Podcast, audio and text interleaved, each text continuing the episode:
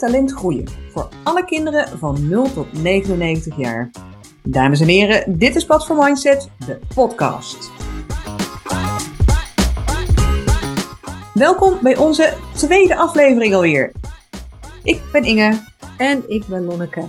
In deze podcast onderzoeken we hoe we met meer plezier, betrokkenheid en enthousiasme kunnen leren. Het thema van vandaag is verschillende kinderen, verschillende mindsets. Ja, dat is wel een beetje een misleidende titel, hè? Verschillende kinderen, verschillende mindsets. Alsof uh, het ene kind de ene heeft en het andere kind de andere. Ja, dit is toch wel wat we nog steeds vaak tegenkomen, Lonneke. Dat mensen zeggen, oh ja, maar dit kind heeft zo'n vaste mindset en dat kind heeft zo'n groeimindset. Mm Ja, hoe, uh, hoe kijk jij daar tegenaan? Nou ja, eh, vrij simpel. Uh, beide mindset, mindsets hebben we allebei. Jij hebt de vaste mindset, ik heb de vaste mindset, jij hebt de groeimindset en ik heb ook groeimindset. Ja. Ik denk, we in verschillende situaties komen we verschillende mindsets tegen. Ik zie mindsets ook niet als iets wat je hebt, iets wat vaststaat bij je. Uh, maar ik zie mindsets veel meer als een, als een copingstrategie om bepaald, met bepaalde situaties om te gaan. En ja, op het ene moment is misschien een vaste mindset een hele handige copingstrategie.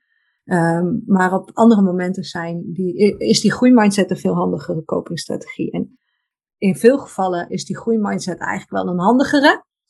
Uh, dus daarin zien we ook vaak wel de voordelen. Maar ja, het wil niet zeggen dat in elke situatie je dan ook uh, meteen een groeimindset laat zien. Zo simpel hmm. helaas niet. Nee, nee, precies. Nee. Uh, ik, ik, vond het wel leuk, want ik werd hier een beetje getriggerd door een berichtje wat we binnenkregen van Dennis Vet. En ik zal het even voorlezen. wanneer een kind altijd in een vaste mindset zit door verkeerde opvoeding of beloningen, hoe krijg je zo'n kind of puber zover dat inzichten veranderen en aangepast worden in een groeimindset? Een voorbeeld. Mijn inzichten veranderden de afgelopen jaren pas. Mijn eerste dochter heb ik vaak complimenten gegeven op het resultaat. Mijn jongste juist op het harde werken. Mijn oudste zit dus, wat betreft school, in een vaste en mijn jongste in een groeimindset. Hoe kan ik nu nog mijn oudste op weg helpen in een groeimindset? Ze is 15. Um, ja, dit, dit, vonden wij een erg leuk stukje om uh, te lezen, omdat hier ten eerste, ja, we halen er van alles uit, uh, maar we, kennen natuurlijk niet helemaal de achtergrond uh, van dit verhaal. Dus Dennis, vergeef ons, we gaan misschien een aantal aannames doen die misschien wel helemaal niet kloppen.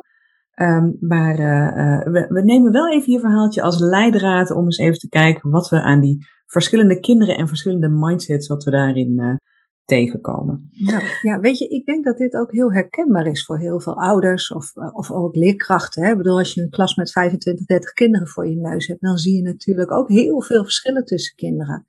En uh, ja, eerlijk gezegd, ik heb zelf drie kinderen en ook daar zie ik dat verschil weer duidelijk naar voren komen. Um, dus ja, ik denk dat het heel leuk is om hier eens nog eens wat verder over te babbelen en te kijken ja, wat, we hier, uh, wat we hier allemaal uh, wij kunnen bedenken. En uh, nou, wellicht dat we ook Dennis, maar misschien ook wat andere mensen weer een paar stapjes verder kunnen brengen hierbij. Precies. is er iets wat jij hier meteen uit, uit, iets wat jou triggert in deze mail, Ina? Nou, sowieso, wanneer een kind altijd in een vaste mindset zit, zo begint Dennis zijn verhaal. ja, altijd. Een kind zit niet altijd in een vaste mindset. Een, kind kan wel een onderwerp met een vaste mindset benaderen. en jij zei het net ook al, Lonneke, van uh, je hebt een copingstrategie, dat kan je mind, hè, je mindset is een copingstrategie, dus dat doe je. Um, nou, dit kind laat dus heel vaak die vaste mindset-strategieën zien op het moment dat zij met schoolzaken wordt geconfronteerd. En, en daarbij vind ik het ook wel leuk, want in dit verhaal hoor je eigenlijk ook een beetje van, nou, mijn jongste heeft die groeimindset, mijn oudste heeft die vaste mindset. Um, ja, de, en, en we, waren al tot de conclusie gekomen dat het niet zo zwart-wit is. Hè? Je hebt ze allebei in je. Um, maar denk jij dat het voor sommige kinderen uh, wel logischer is om sneller in een vaste mindset te schieten dan voor anderen?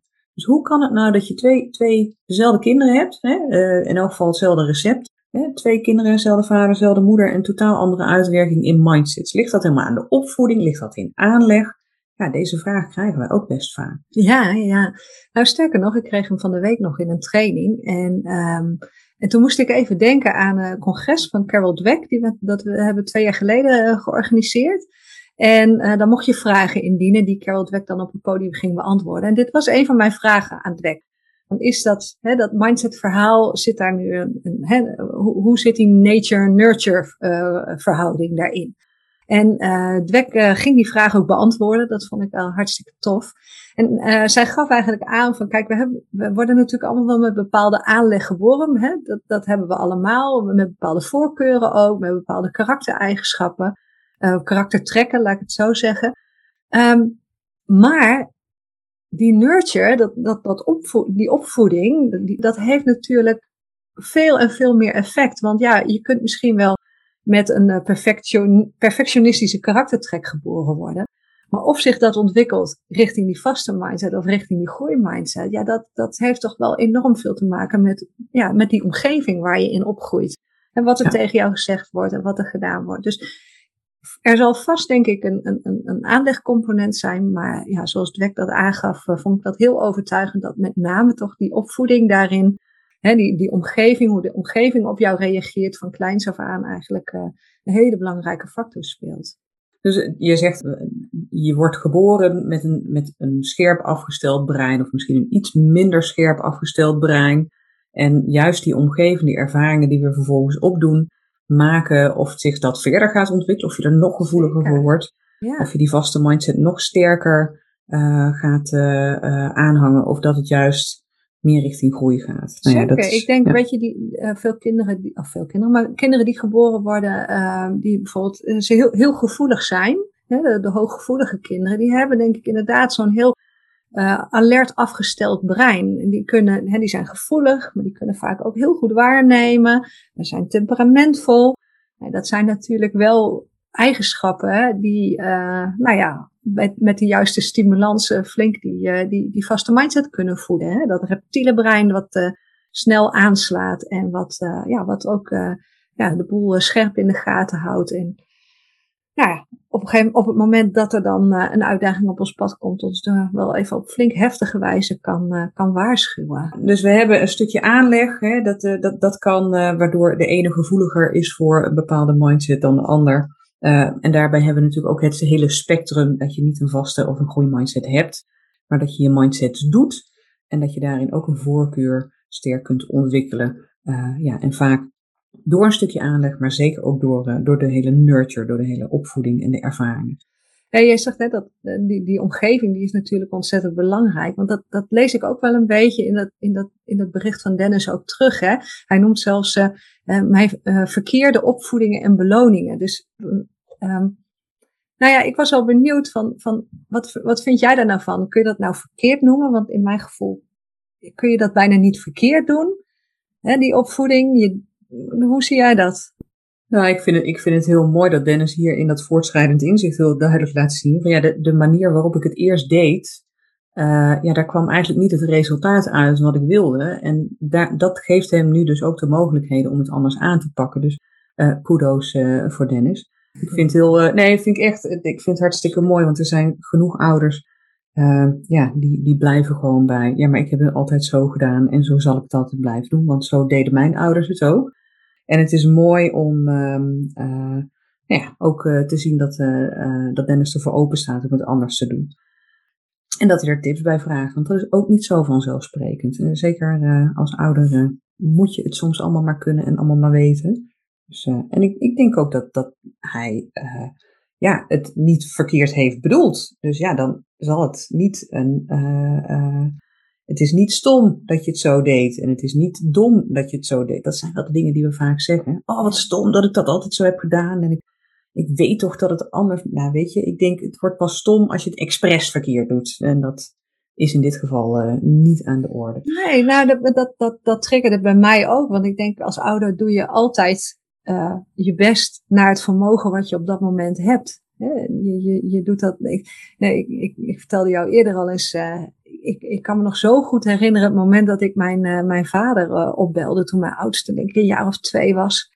En dat, um, nou, ik weet niet waar we het over hadden, maar ik weet nog heel goed dat ik tegen hem zei van, oh, maar kinderen die, hey, je kunt je kind niet genoeg de hemel in prijzen. Je kunt hem niet vaak genoeg vertellen hoe, uh, hoe geweldig die is. En, nou, En nou, dan, mijn vader was dat ook met me eens. En ik dacht ook echt dat dat goed was voor je zelfvertrouwen. Dat dat, dat, dat het kind vooruit hielp en dat hij daardoor stevig in het leven zou staan.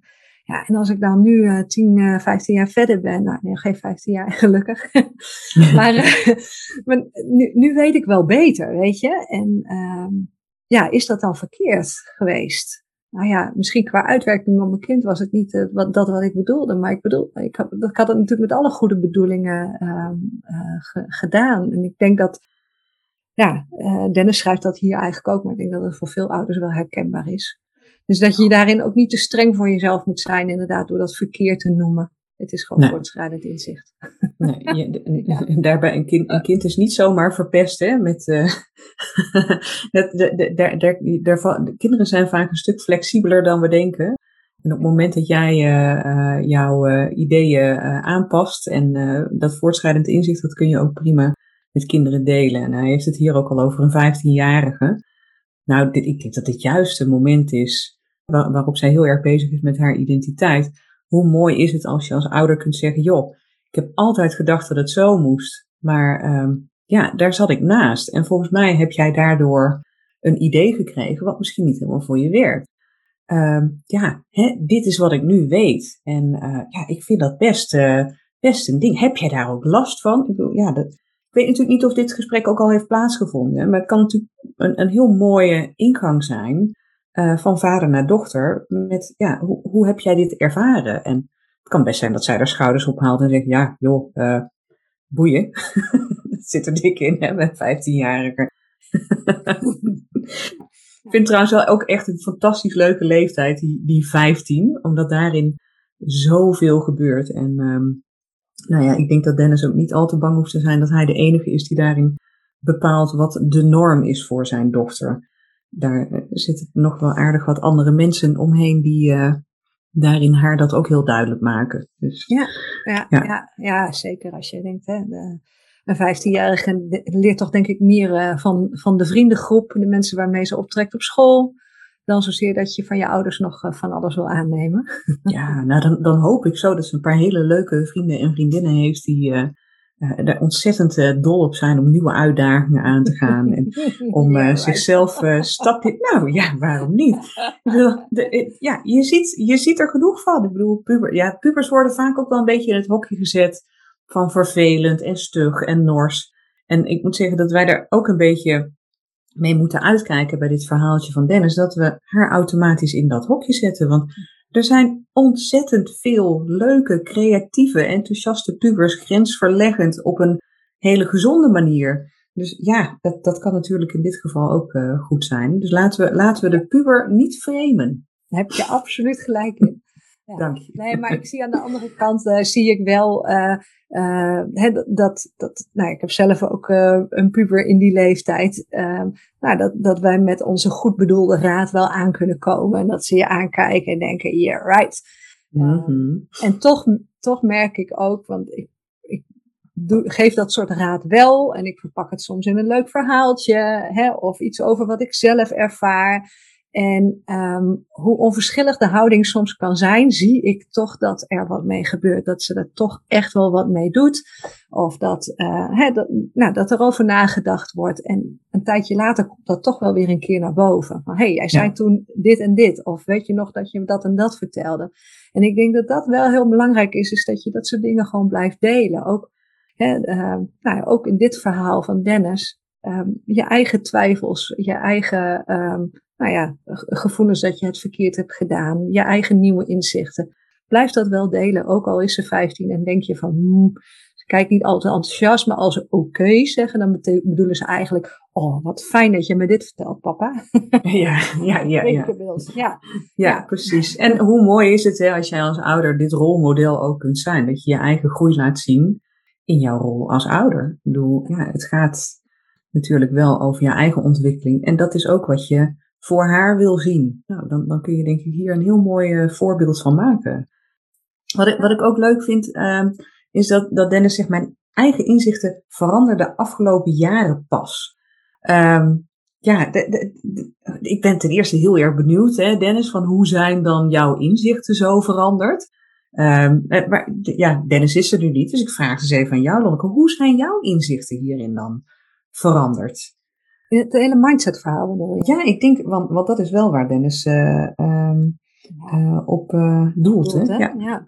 Nou ja, weet je, ik denk dat die inzichten continu veranderen. En nou heb ik natuurlijk, qua werk doe ik dit wat wij doen. Dus ja, je leest eigenlijk continu, je ontwikkelt je continu op deze vlakken.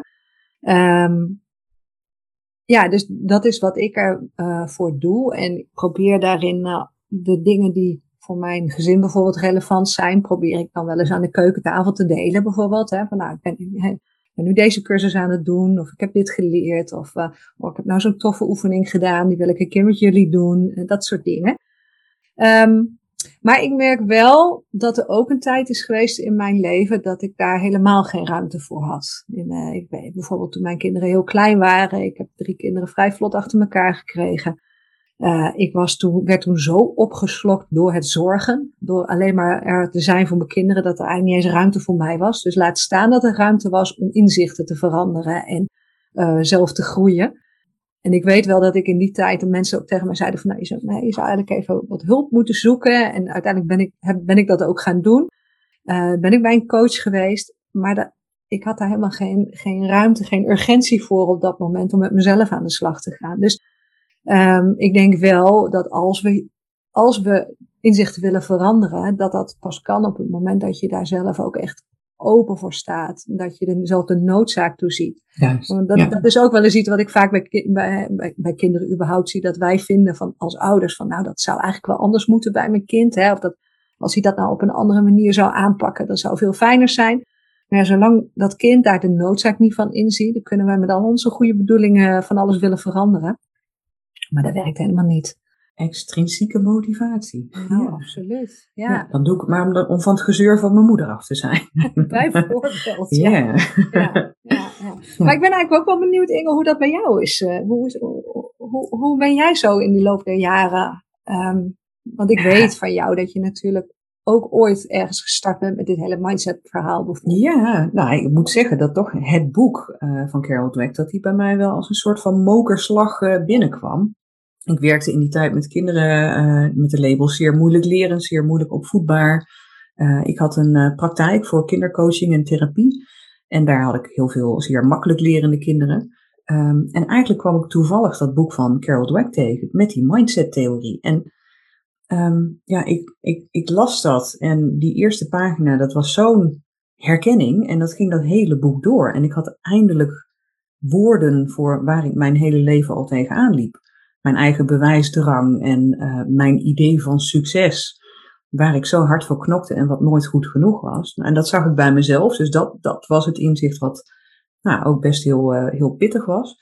Maar ik zag het ook bij mijn leerlingen, ik zag het ook bij uh, de kinderen in mijn praktijk, bij mijn cliënten, die ja, met grote bogen om uitdagingen heen gingen, of om, om leren.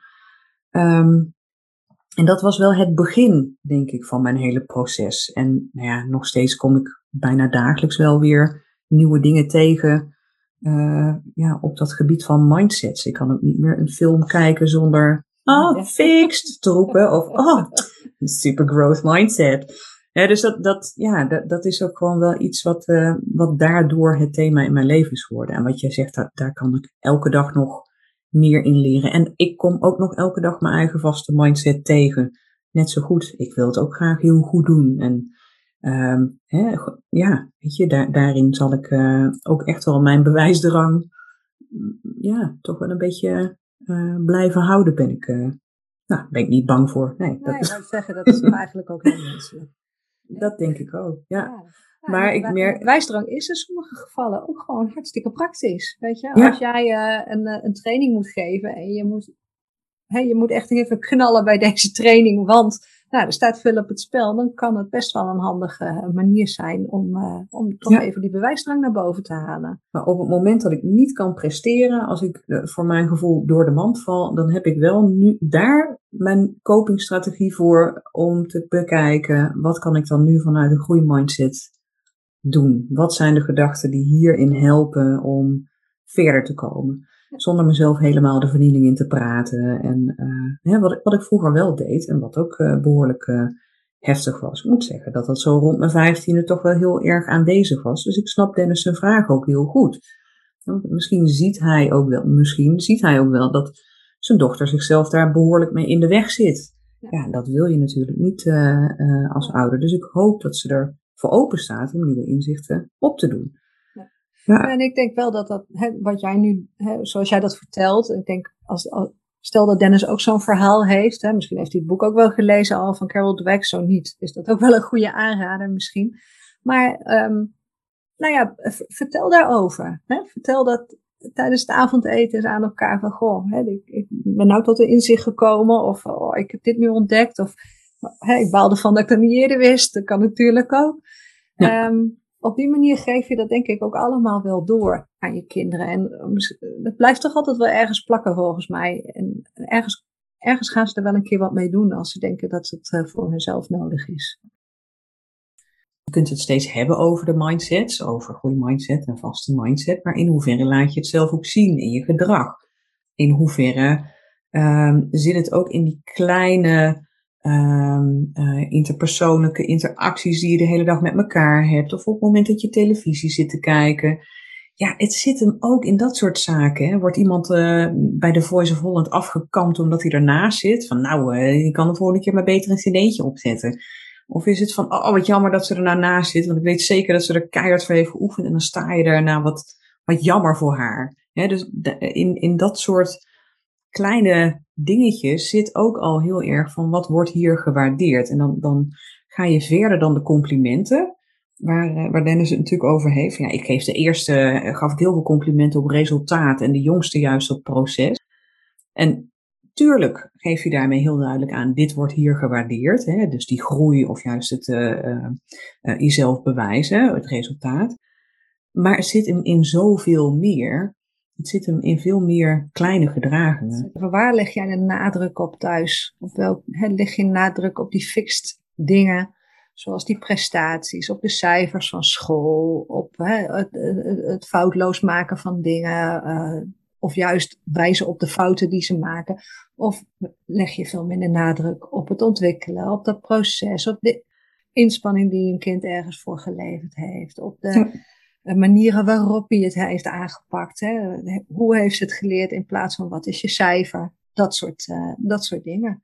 Ja, ja. ja. Absoluut. Dat heeft, uh, ja, wij, wij, wij, wij zijn altijd, uh, wij noemen dat altijd in wezen het rolmodel. Want ja, als je nou graag wilt dat zo'n kind die groeimindset leert, ja, van wie moet hij dat dan leren?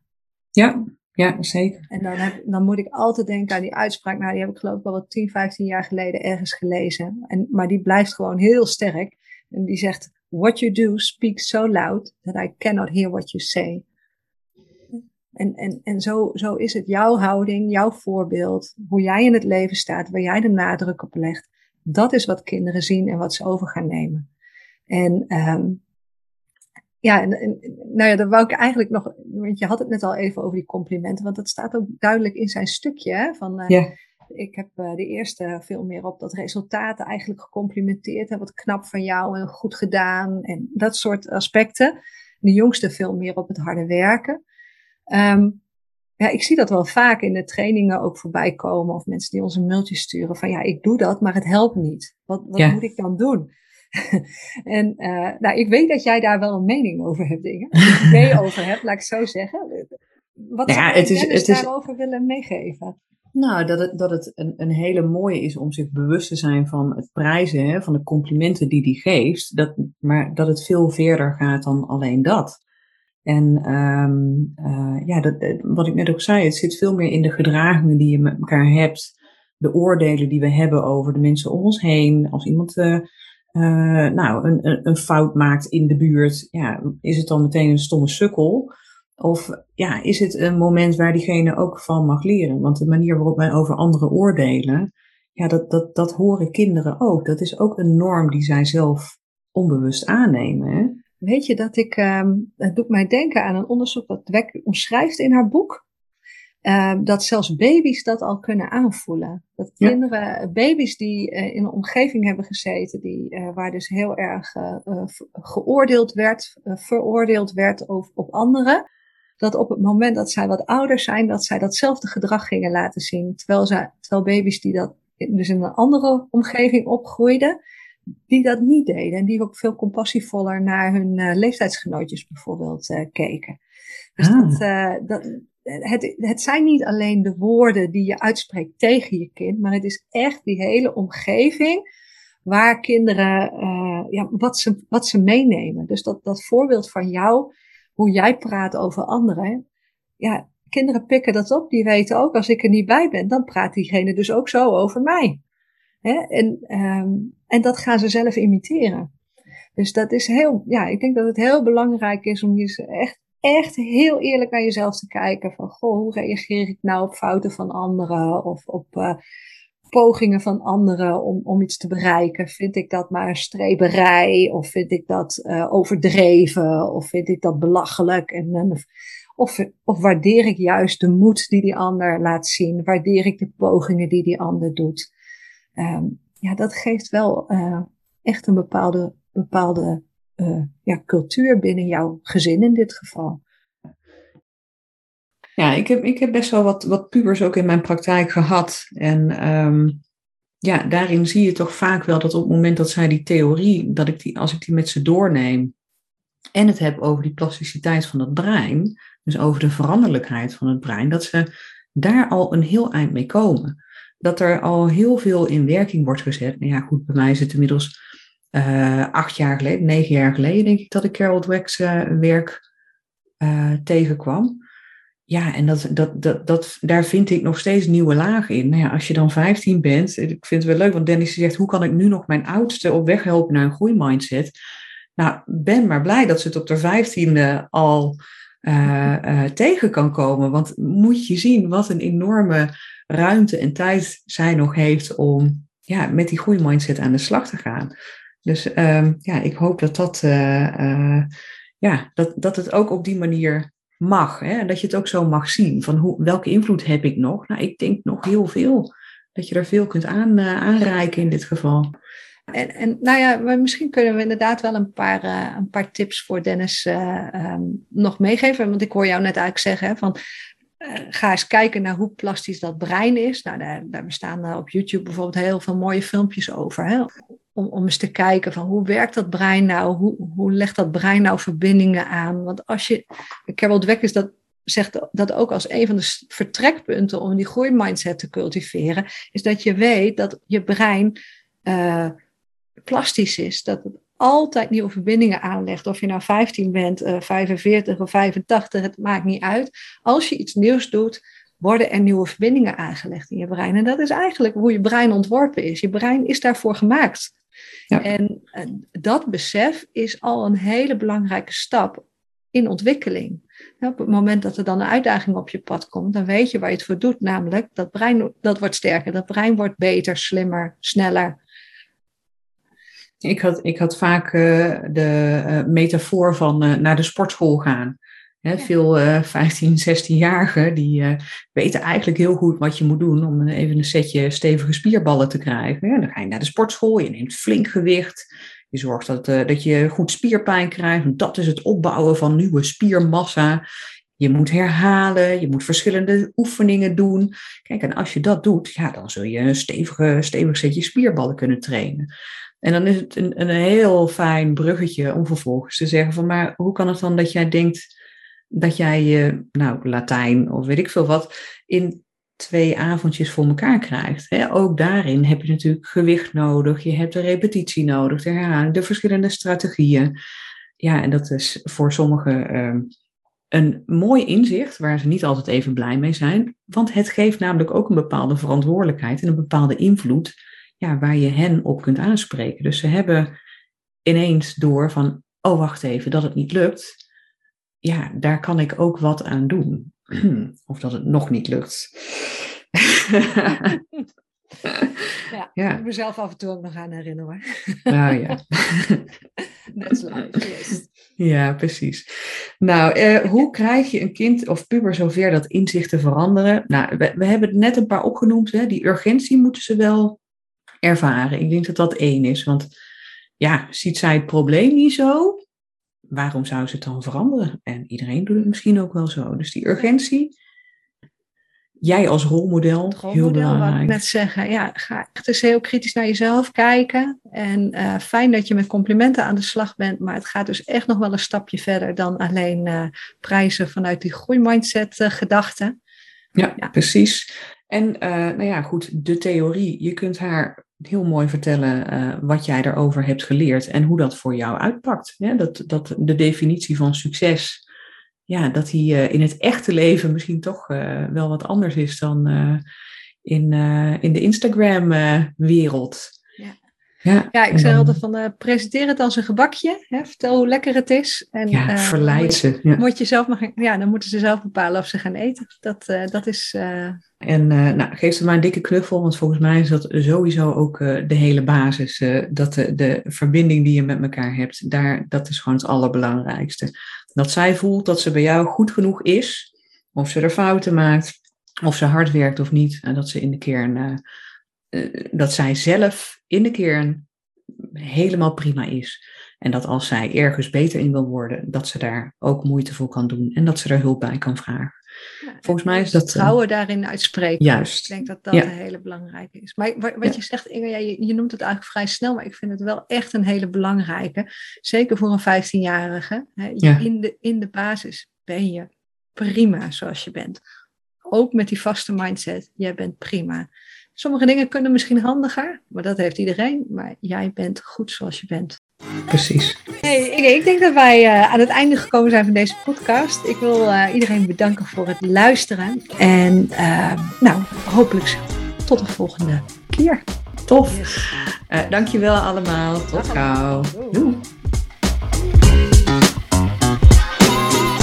Deze podcast werd gemaakt door Inge Korstiaans en Lonneke Snijder. Grote dank aan alle kinderen van 0 tot 99 jaar die vandaag luisteren. Durf jij het aan om jouw mindset-verhaal met ons te delen?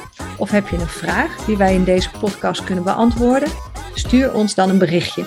En als je blij bent met deze Mindset Podcast, laat dan zeker even een review achter, zodat nieuwe luisteraars ons kunnen vinden.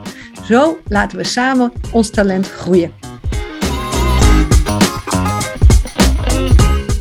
Je meer weten over optimale ontwikkeling, of over Inge of over Lonneke? Kijk dan eens op onze website platformmindset.nl. Daar vind je boeiende artikelen, mooie mindset-materialen en trainingen die kunnen bijdragen aan jouw eigen groei of die van de kinderen van 0 tot 99 waarmee je werkt. Tot de volgende keer, let's grow!